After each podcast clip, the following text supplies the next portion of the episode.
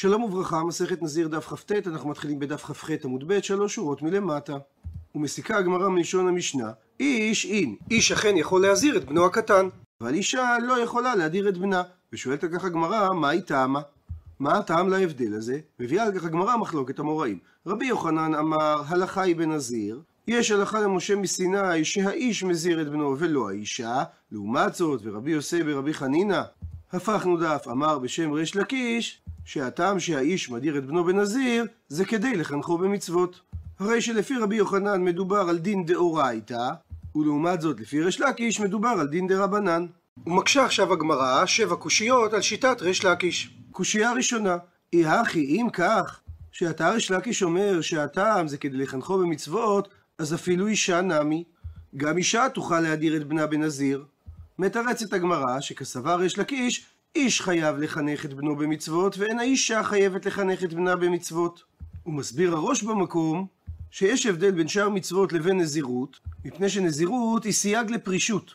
כך שהאימא אומנם חייבת לחנך את בנה במצוות, אבל היא לא מחויבת לחנך אותו לפרישות. וממשיכה הגמרא לשאלה השנייה על ריש לקיש. בישלמה נוח לי להבין לרבי יוחנן דאמר, הלכה היא בנזיר, שתוקף ההלכה זה הלכה למשה מסיני, אמתו לאחי, אז לא צריך טעם להבדל במשנה, בנו אין, ביתו לא. שאין מה לשאול על הלכה משה מסיני, למה האב מדיר את בנו ולא מדיר את ביתו. אלא לריש לקיש שאמר שמדובר על תקנת חכמים כדי לחנכו במצוות, אפילו ביתו, שגם אותה האב צריך לחנך למצוות, וממילא הוא יוכל להדיר אותה להיות נזירה. מתרצת הגמרא, כסבר ריש לקיש, בנו חייב אדם לחנכו במצוות, אבל את ביתו אינו חייב לחנכה. ואומר על כך תוספות בעמוד הקודם, שבנו שייך במצוות כשיגדל, ולכן מוטל על האב לחנכו, מה שאין כן ביתו, שהיא שייכת בפחות מצוות. וקשה, שהרי יש גמרא ביום אשר אומרת, אחד תינוק ואחד תינוקת מחנכים אותם להתענות ביום הכיפורים. הרי שהאב מחויב גם לחנך את ביתו למצוות. עונה על כך תוספות שצריך לחלק בדבר. וכדי להבין את דברי התוספות, נראה דברי המגן אברהם. הלא הוא רבי אברהם אבא להלוי גומבינר, דהיינו מהעיר גומבלין שבפולין. אבא שלו היה דיין, רב חיים הלוי, שנרצח על ידי הקוזקים בסכסוכים הנוספים לאחר גזרות ת"ת. בשנת ה' אלפים תכ הוא הגיע לעיר קליש בפולין, שם הוא לימד תחילה בחורים צעירים, ורק כשעמדו על גדולתו באו אליו תלמידים מבוגרים יותר, וכך הוא קיבל משרת ראש ישיבה ותפקיד דיין בבית הדין של רב ישראל שפירא. לפי המסופר, כאשר ביקר בעיר השח, הוא התפלל לשמוע מאחד מתלמידי המגן אברהם תשובה מחודדת לשאלה קשה ששאל, ואז דרש השח שתינתן לו משרה רבנית. נמצאה לו בסוף רק משרת מורה צדק, שכן לפי הנטען הוא היה עניו מכדי לנשל מישהו ממשרתו. הוא מעולם לא כיהן ברבנות עיר, הוא ניהל ישיבה קטנה למדי, הוא זכה לתהילה מעטה בחייו, ורק פרסום ספרו כמה שנים לאחר מותו הקנה לו את שמו. הוא לא ציין שם כלשהו על דפי ספרו בכתב יד, ורק באקרא ישיב פעם לשאלת תלמידיו כיצד יקרא לספרו, כי שם הספר יהיה נר ישראל, ראשי תיבות, נר יפה של רבי אברהם הלוי. מפני שכפי הנראה מחמת ענווה, לא רצה לשלב את שמו בספר. אולם בנו, שהדפיס את הביאור יחד עם ביאורו של רבי דוד בעל התז, החליט בכל זאת לקוראו בשם אביו. אם בשל רצונו לכבד את אביו, או כדי למצוא שם בעל משמעות שיתאים יחדיו לשני המחברים שחיבורם נדפס לראשונה. השם הכולל של הספר המשותף היה מגיני ארץ, כאשר חיבורו של רבי אברהם נקרא מגן אברהם נ"י, ונ"י זה בעצם ראשי התיבות של השם המקורי, נר ישראל, וחיבורו של רבי דוד, מגן דוד תז, כאשר תז הוא ראשי תיבות של השם המקורי, טורי זהב. והמגן אברהם דן בדברי התוספות ומעלה שני צדדים לכוונתם. מצד אחד ניתן לומר שכוונת בעלי התוספות היא שבעצם חובה על האב לחנך את ביתו לכל מצוות התורה, ורק לגבי הנזירות אין האב מצווה לחנך את ביתו, מאחר שקבלת הנזירות תלויה ברצון האדם. מצד שני, ייתכן לפרש להפך, שלכל המצוות אין האב חייב לחנכה, למעט יום הכיפורים, עקב חומרתו. גם הנציב מתייחס לסוגיה הזו וכותב, כי רק למצוות אשר יש חובה לקיימן, גם האב מחויב לחנך את ביתו. להלכה מכריעים הפוסקים שהאב חייב לחנך את ביתו לכל מצוות התורה. וממשיכה הגמרא לקושייה השלישית על ריש לקיש, בישלמה נוח לי להבין לרבי יוחנן דאמר, הלכה היא בנזיר, ההכי לכן מובן, בנזירות אין, בנדרים לא. שמשום שזה הלכה למשה מסיני, קיים הבדל שאדם יכול לקבל נזירות לבנו ולא יכול להדיר את בנו. אלא לריש לקיש קשה, שהרי אם הטעם זה כדי לחנכו במצוות, אז אפילו נדרים נמי. גם בנדרים קיים אותו טעם. ומדוע האב לא יכול להדיר את בנו הקטן? מתרצת הגמרא בשם ריש לקיש, שהמשנה נאמרה בצורה של לא מבעיה כאמר. אין צריך לומר את הדברים הפשוטים, ומבארת הגמרא. לא מבעיה לא צריך לומר שבנדרים ודאי שהאב יכול להדיר את בנו מטעם של כדי לחנכו במצוות, דלת לניבול. שאין בדבר עינוי וצער, אלא באה המשנה לחדש שאפילו בנזירות דאית לי ניבול, שיש בדבר עינוי וצער, אפילו הכי יכול האב להזהיר את בנו, מפני שהוא חייב לחנכו במצוות. ומביאה הגמרא קושייה רביעית על שיטת ריש לקיש, בישלמה נוח לי להבין לרבי יוחנן דאמר, שזה הלכה היא בנו שמסיני בנזיר, שהאב יכול להזהיר את בנו, היינו דקטני, זה הסיבה שכתוב בברייתא, שאם מיכה הילד או שמיכו קרוביו, שזה מבטל את הנזירות, מפני שכך הלכה למשה מסיני. והגדרות ההלכה היא שכמו שהאיש יכול להזהיר את בנו, כך גם הלכה שיכולים הבן או הקרובים למחות בדבר. אלא לרבי יוסף ברבי חנינא, אמר יש לקיש, לא מובן, מדוע הקרובים יכולים למחות בדבר? כל כמנהון קרובין דאמרין לי. האם יש כוח ביד הקרובים לומר לאבא, לא תגמרי מצוות? אל תחנך את הילד למצוות? מתרצת הגמרא שכסבה ריש לקיש, כל חינוך דלא חשיב לא ניחא לי. הוא מסביר התוספות שנתפס בעמוד הקודם, כל חינוך שהקרובים יכולים להתנגד עליו, כמו נזירות, שזה דבר שגורם ביזיון כי הוא מגלח את שערו, וזה יכול לגרום לחוסר נכות לילד, הילד והקרובים יכולים למחות בדבר. הוא מרחיב הראש ואומר כי לא רצו חכמים לתקן חינוך כזה שמא ישמע הילד לקרוביו ויעבור על נזירותו. אולי זה קצת מקביל היום למקרים שבהם הרווחה צריכה להתערב. מביאה הגמרא את הקושייה החמישית על ריש לקיש, בישלמה נוח לי להבין לרבי יוחנן דאמר שהדין הזה הוא הלכה למשה מסיני היא בנזיר, משום הכי מגלח ואביד הקפה. שמותר לילד לגלח את כל שערו, למרות שהוא עובר בכך עליו של בל תקיפו. אלא לרבי יוסי ברבי חנינא, שאמר ריש לקיש שהטעם הוא כדי לחנכו במצוות, הא כאביד הקפה. ואיך מדרבנן התירו לילד להקיף את שערו, שזה איסור דאורייתא, משום חינוך שזה מצווה דרבנן. מתרצת הגמרא, שכסבר ריש לקיש, שהקפת כל הראש זה איסור מדרבנן, וחינוך הילד למצוות זה חיוב מדרבנן, ובמשוואה הזאת, ואתי, ובא חינוך דרבנן, ודחי, והוא דוחה את איסור הקפה דרבנן. זאת אומרת שלפי רבי יוחנן יש איסור דאורייתא של בל תקיפו גם בהשוואה של צדדי הראש וגם בתגלחת של כל הראש, אבל לפי ריש לקיש האיסור דאורייתא הוא רק בהשוואת צדעי הראש, ותגלחת של כל הראש היא איסור דרבנן. ולכן לפי ריש לקיש יכול האב להזהיר את בנו למרות שזה יגרום לו לעבור על בל תקיפו דרבנן. ומביאה הגמרא את הקושייה השישית על ריש לקיש. בישלמה נוח לי להבין לרבי יוחנן דאמר שזה הלכה למשה מסיני היא בנזיר שהאב יכול להזהיר את בנו, האחי לכן מגלח ומייטה קורבן. שלאחר שהילד מגלח את שערו הוא יכול להביא קורבן ואין בזה בעיה של להביא חולין לעזרה. אלא לרבי יוסי ברבי חנינא אמר יש לקיש שהטעם שהאב יכול להזהיר את בנו זה כדי לחנכו במצוות, הקמאי חולין לעזרה, הוא הרי מביא חולין לעזרה וזה דבר שאסור. מתרצת הגמרא, כסבר ריש לקיש שהבאת חולין בעזרה לאו דאורייתא היא, אלא זה רק איסור מדרבנן, וממילא חובת החינוך שגם היא מדרבנן דוחה את האיסור מדרבנן להביא חולין לעזרה. ומביאה הגמרא את הקושייה השביעית על ריש לקיש, בישלמה נוח לי להבין לרבי יוחנן דאמר הלכה היא בנזיר, אחי, לכן במקרה של כי מטמא הילד בטומאת מת, מייטה קורבן ציפורין, הוא יביא קורבן של שתי תורים או שני בני יונה, אחד מהם לעולה ואחד לחטאת, ואכיל כהן מליקה. ובשר חטאת העוף שראשה נמלק נאכל לכהנים. ולפי רבי יוחנן, אין פה בעיה של חולין באזהרה, ואין פה בעיה של אכילת עוף שנמלק, שהרי כך הלכה למשה מסיני. אלא לרבי יוסף ברבי חנינא אמר יש לקיש, כיוון שמדאורייתא הילד לא מחייב להביא קורבן נזירות טומאה, נמצא שיש שתי בעיות, גם הבאת חולים לאזהרה, שעל זה ענינו בשאלה הקודמת, ובנוסף לכך, הרי הכהן אוכל נבלה. שהרי כאשר הכהן מולק את חטאת העוף, הוא לא משתמש כמו בשחיטה בסכין מהצוואר, אלא הוא עושה את זה על ידי ציפורן ידו ומן העורף של העוף. ואם מדובר על חיוב דה רבנן, אז זה כמו עוף חולין שנמלק ראשו והוא נבלה והוא אסור באכילה. מתרצת הגמרא כסבר ריש לקיש כרבי יוסי ברבי יהודה שסבר דאין שחיטה לעוף מן התורה.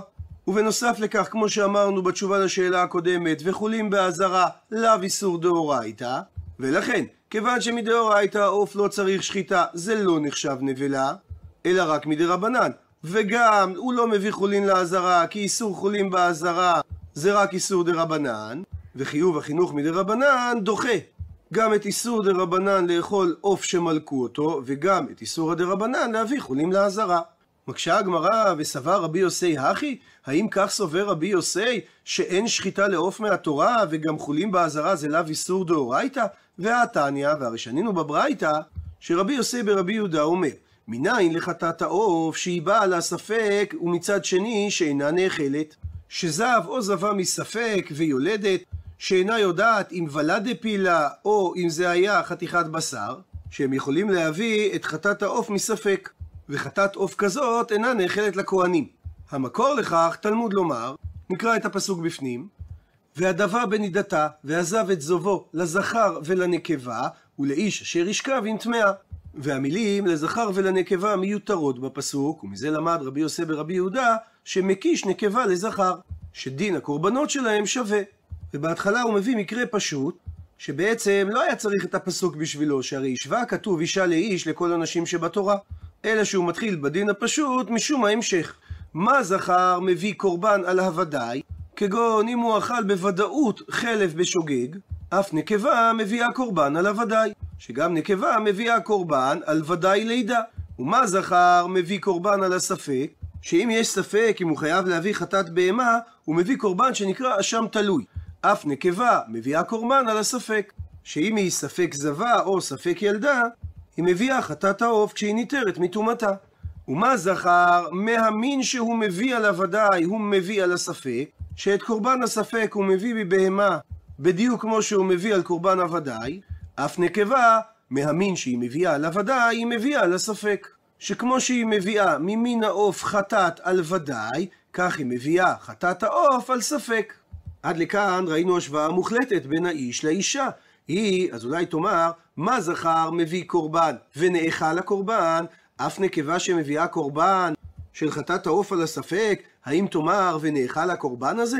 עונה על כך הברייתא, אמרת לא, הפכנו דף, אמור מעצמך שלדין הזה לא נקיש בין הזכר לנקבה, שהרי אם אמרת בזכר שמביא קורבן אשם תלוי על הספק, שכן יש חשש של איסור אחד בלבד, והוא הבאת חולין לעזרה, ולכן התרנו לאכול את הקורבן שלו.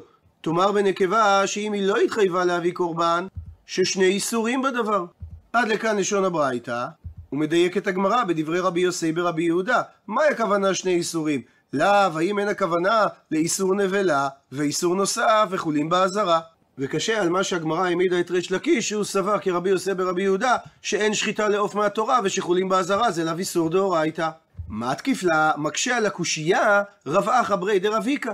ודילמה, ואולי ניתן להסביר את הברייתא, שמה שאמר רבי יוסי ברבי יהודה, שאישה שמביאה חטאת עוף על הספק יש בה דבר שני איסורים, הכוונה שהוא מחייב עלי משום דמיתחזי כטרן איסורין מדרבנן.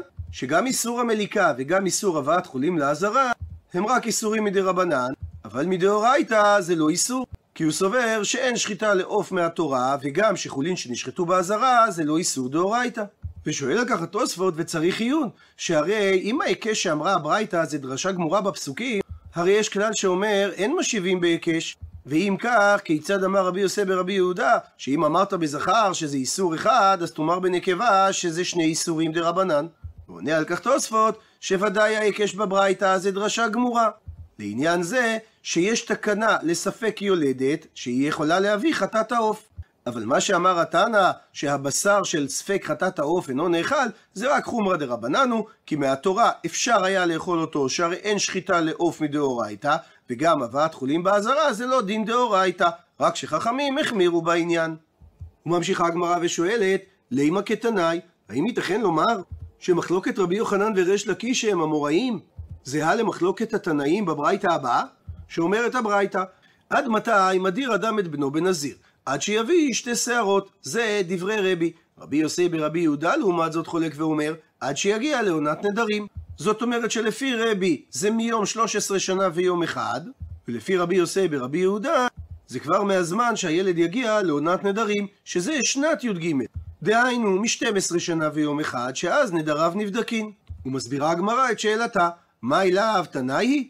האם המחלוקת של רבי יוחנן וריש לקיש לא זהה למחלוקת התנאים הבאה? דרבי סבר, הלכה היא בנזיר. דהיינו, הלכה למשה מסיני שהאב מזהיר את בנו, ואף על גב דהגיע הבן לעונת נדרים, שהוא כבר בשנתו השלוש עשרה, בכל זאת, מדיר לי ואזיל, יכול האב להמשיך ולהדיר אותו בנזירות, עד דמייטי שתי שערות. עד שהוא יביא שתי שערות במקום הצנוע, שאז יש לו דין גדול והוא יוצא מרשות האב. ורבי יוסי ברבי יהודה לעומת זאת, דאמר שהאבא יכול להזהיר את בנו רק עד שיגיע לעונת נדרים, זה מפני שהוא סבר שטעם הדבר זה כדי לחנכו במצוות, וכיוון דנפיק מרשותי, וכיוון שכאשר הבן מגיע לעונת נדרים, והוא יכול בעצמו לקבל נזירות, תו לא מחייב. יותר אין האב מחויב לחנך אותו במצוות נזירות. ואם כך לכאורה יוצא שרבי יוחנן אמר כרבי וריש לקיש אמר כרבי יוסי ברבי יהודה. אמרי, אמרו על כך את התשובה הבאה, שלא בהכרח לפרש כך את הברייתא, מפני שניתן להסביר דכולי עלמא אומרים הלכה היא בנזיר, שזה הלכה למשה מסיני, שהאב יכול להזהיר את בנו. והכה, וכאן נקודת המחלוקת, במופלא סמוך לאיש כמפלגי. משמעות הביטוי מופלא סמוך לאיש. על פי הפסוק כי יפלי לנדור, אנחנו בודקים את הילד האם הוא יודע להפלות, כלומר להבין בדעתו לשם מי הוא נודר, וסמוך לאיש הכוונה ילד שקרוב להיות בוגר. רבי סבר שמופלא סמוך לאיש זה גדר דרבנן, ואתיה דאורייתא דחיא דרבנן. זאת אומרת שבשנתו ה-12 בודקים את נדריו של הילד, אם הוא יודע למי נדר, ואז הוא מקיים את דבריו. מצד שני, יש הלכה למשה מסיני בנזיר שהאב מדיר את בנו, ואם נציב את שני האיסורים במשוואה אחת, דוחה הלכה דאורייתא את ההלכה דרבנן. רבי יוסי ברבי יהודה לעומת זאת סבר שדין מופלא סמוך לאיש הוא דאורייתא. וכיוון שכך, הרי הבן יצא מרשות אביו לעניין נדרים, ולכן אין האב יכול להדירו בנזיר. והיא באי תימה, ואם תרצה, תאמר הסבר אחר לברייתא. דכולי עלמא שכולם מסכימים שהדין שהאב יכול להזהיר את בנו זה כדי לחנכו במצוות, שזה גדר דרבנן. וכולם גם מסכימים שהדין הוא מופלא סמוך לאיש גם הוא דרבנני. כאשר רבי סבר אתי חינוך דרבנן ודחי מופלא סמוך לאיש שגם הוא דרבנן, שמצוות החינוך למצוות שזה חיוב דרבנן דוחה את היכולת של הקטן לקבל נדרים בעצמו, כך שזה לא מפקיע מהאבא את חיוב החינוך, ולכן הוא יכול להזהיר את בנו. ורבי יוסף ברבי יהודה לעומת זאת דאמר שהאבא יכול להזהיר את בנו רק עד שיגיע לעונת נדרים, זה מפני שהוא כסבר, לא עתי חינוך דרבנן ודחי מופלא סמוך לאיש. שכיוון שהבן כבר יכול לנדור בעצמו בשנתו ה-13, אז לא חייבו חכמים את האבא לחנך את בנו במצוות נזירות. ולפי כל אחד משני ההסברים הללו, יוצא שמחלוקת האמוראים אינה זהה למחלוקת התנאים. ובאותו עניין ממשיכה הגמרא, לימה הני תנאי כי הני תנאי. הוא מסביר התוספות שהלשון לימה היא לא לשון בדווקא, אלא הגמרא מתכוונת לומר שרבי ורבי יוסי ברבי יהודה נחלקו במחלוקת התנאים הבאה. דתניא שכך שנינו בתוספתא, מעשה ברבי חנינא שהדירו אביו בנזיר, ובאותו יום שהוא הדיר אותו, והביאו לפני רבן גמליאל, כדי לדעת אם נדר הנזירות מחייב את הילד. והיה רבן גמליאל בודקו, כדי לידע אם הביא שתי שערות, אם לא הביא. וזה תואם לדעתו של רבי, שרק אם הילד הביא שתי שערות, ולפי תנא כמה מדובר שהוא היה בגיל 13 שנה ויום אחד לפחות, שהוא יצא מרשותו של אביו. רבי יוסי אומר, ומעיר התוספות שהגרסה בתוספתא זה רבי יוסי ברבי יהודה, שמטרת הבדיקה של רבן גמליאל הייתה לידע אם רבי חנינא הגיע לעונת נדרים אם לאו. דהיינו, שלפי רבי יוסי ברבי יהודה מדובר שהוא היה בשנתו השלוש עשרה ולכן נדריו נבדקים. הוא מספר את התוספתא שאמר לו רבי חנינא לרבן גמליאל רבי אל תצטער לבודקני דהיינו אל תטרח לבדוק האם יש בי את סימני הבגרות או לא שאם קטן אני אהיה נזיר בשביל אבא ואם גדול אני אהיה נזיר בשביל עצמי. הוא מסביר התוספות שבשלב הזה הגמרא מבינה שכך אמר רבי חנינא אם קטן אני לגבי קבלת נדרים, דהיינו, לפני הגעתי לעונת נדרים, אז אני אהיה נזיר מכוח זה שאבא הזהיר אותי, ואם גדול אני לעניין קבלת נדרים, אז אקבל על עצמי את נדר הנזירות. עמד רבן גמליאל ונשקו על ראשו, אמר מובטח אני בזה שמורה הלכה בישראל. ואכן מעידה התוספתא אמרו, לא היו ימים מועטים עד שהורה רבי חנינא הוראה בישראל. עד לכאן לשון התוספתא, ושואלת הגמרא, בישלמה לרבי יוסי ברבי יהודה, שהוא אמר שהאיש אינו מדיר את בנו אלא עד שיגיע לעונת נדרים, היינו דקאמר, אז מובנת הלשון של התוספתא, שרבי חנינא אמר לרבן גמליאל כשהוא בא לבדוק אותו, אם קטן אני אהיה בשביל אבא, ולפי גרסת הבח, ואם גדול אני אהיה בשביל עצמי. כי הגמרא מבינה שהמילים קטן וגדול מתייחסים לעונת נדרים, וזה ממש מסתדר לדברי רבי יוסי ברבי יהודה, שרבי חנינא אמר לרבן גמליאל, אם קטן אני שלא הגעתי לעונת נדרים, אין נזיר בשביל אבא שהזהיר אותי, ואם גדול אני, זאת אומרת שהגעתי כבר לעונת נדרים, אז אין נזיר בשביל עצמי. אלא לרבי דאמר, שהבן נמצא ברשות האב לעניין הדרת נזיר עד שיביא שתי שערות, אז אם כך, אף על גב שרבי חנינא כבר היה גדול שהוא הגיע לעונת נדרים, הוא עדיין היה נמצא ברשות אביו לעניין נזירות. ולא מובן המשפט שהוא אמר, ואם גדול אני אהיה בשביל עצמי. הפכנו דף, שהרי הברשותי דאבו הקיים, שהרי כל זמן שהוא לא הביא שתי שערות, הוא עדיין ברשות אביו, והוא יכול להכיל עליו את הנזירות. זאת אומרת שבשלב השאלה, לשון התוספתא אם קטן ואם גדול, מסתדרת רק לשיטת רבי יוסי ברבי יהודה, שהרי קטן וגדול מתייחס לעניין נדרים. אלא מתרצת הגמרא, דאמר רבי חנינא לרבן גמליאל, לא בלשון של תנאי, דאם אני קטן שאין נדרו נדר, או ואם אני גדול שנדרו נדר, אלא אמר, אהה בשביל אבא, אהה בשביל עצמי. שאם אני קטן שלא הבאתי עדיין שתי שערות, הרי רשות אבי עליי, ואם אני גדול שכבר הביא שתי שערות, אז אני אהיה נזיר בשביל עצמי. וכך מסתדרת התוספתא גם לשיטת רבי שאמר שמדיר אדם את בנו עד הבאת שתי שערות. מה שאומר שרבי מסביר את הלשון קטן וגדול בתוספתא כתיאור מציאות לפני או אחרי הבאת שתי שערות. עד לכאן דף כ"ט. למעוניינים בהרחבה הזכירה התוספתא את המעשה ברבי חנינא שהדירו אביו בנזיר. וזה כמובן מזכיר את הרב שער יישוב הכהן, שבאז לידתו לא סיפרו הוריו את שיער ראשו. גדל שער יישוב ובלט במיוחדותו, שערו האדמוני המטולטל גלש על כתפיו, ומזונו היה צמחוני. החום והאהבה שהרעיפו עליו הוריו, נסחו בו כוחות להתמודד עם השונות. בנוסף לכל האהבה, הקפידו ההורים על חינוך לשלמות במידות ובדרך ארץ, ובהעמקה בלימוד תורה, חינוך קפדני ביותר וללא פשרות, כפי שהוא תיאר. בהגיעו לגיל 12, כדי שלא יתחייב בנזירות כנדר, מסר מודעה שאינו מקבל מנהג זה כנדר, וכך העלה הרב הנזיר בזיכרונותיו. בהיות שער יישוב בן 12, מופלא הסמוך לאיש שנדריו נבדקים, ושלא יהיה מנהג נזירות שנוהג כנדר, כונסה עדה של רבנים וגדולי תורה בביתנו, שבפניהם הכרזנו, מסרנו מודעה ברבים, שאין מצידי ולא מצידו שום נדר, ושלא יהיה מנהגי ומנהגו בנזירות כנדר כלל, שלא להיכשל בשום עוון ועבירה על חומרי נזירות, ושיוכל לחדול בכל שנה שירצה. מנהג נזירות אמנם, מנהגים כמו חולין על טהרת הקודש, לקדש את החיים. ואכן, בהגיעו לגיל 16, החליט שער יישוב לאחר התלבטויות והתחבטויות לספר את שערו, שכן לאחר שנכנס לישיבה והיה בחברת בחורים, ולא היה סביבו את הבית הנערץ והמגן, רצה להידמות לכולם. אך בשאר מנהגי נזירות וצמחונות הוא המשיך לנהוג כל ימי חייו. למרות הקושי שחש הרב הנזיר עם החלטת בנו, הוא כיבד את ההחלטה, אך ביקשו להמתין עד גיל 16. לקראת המאורע, הם למדו בצוותא את מסכת נזיר, והרב הנזיר שלח הצעה לרבני ירושלים, ובראשם לרב הראשי לישראל, הרב יצחק אייזיק הלוי הרצוג, לסדר טהרת הנזיר בזמן הזה, וביקש את חוות דעתם. טקס התגלחת התקיים ביום הולדתו ה-16 של שאר יישוב, ולשם כך הוכנו מספרי כסף. השמועה על טקס תגלחת הנזיר עוררה הדים בירושלים, שכן טקס זה היה כנראה הראשון מאז חורבן הבית. רבים מגדולי ירושלים השתתפו באירוע מיוחד בביתם הצנוע של משפחת כהן. כזכר להקרבת קורבן נזיר, הם קראו את פרשת טהרת הנזיר בתורה. בשעות הערב, כשהבית התמלא מפה לפה, קרא הרב הנזיר את כל פרשות הנזירות וטהרתו, מהתורה, המשנה, התלמוד והרמב"ם. שאר יישוב דרש בהלכות נזירות והצהיר שהוא פורש מן הנזירות החיצונית, השיער, אך לא מן הנזירות הפנימית, אי שתיית יין. רבנים נעמו לכבוד חתן הערב, על השולחן הניחו סל ובו עשר מצות ועשר מצות חלות, זכר לקורבן נזיר. לבסוף נערכה התספורת עם מספרי הכסף. כל אחד מהאורחים נטל את המספריים, וכך עשו את הספר שליח לבצע את התספורת.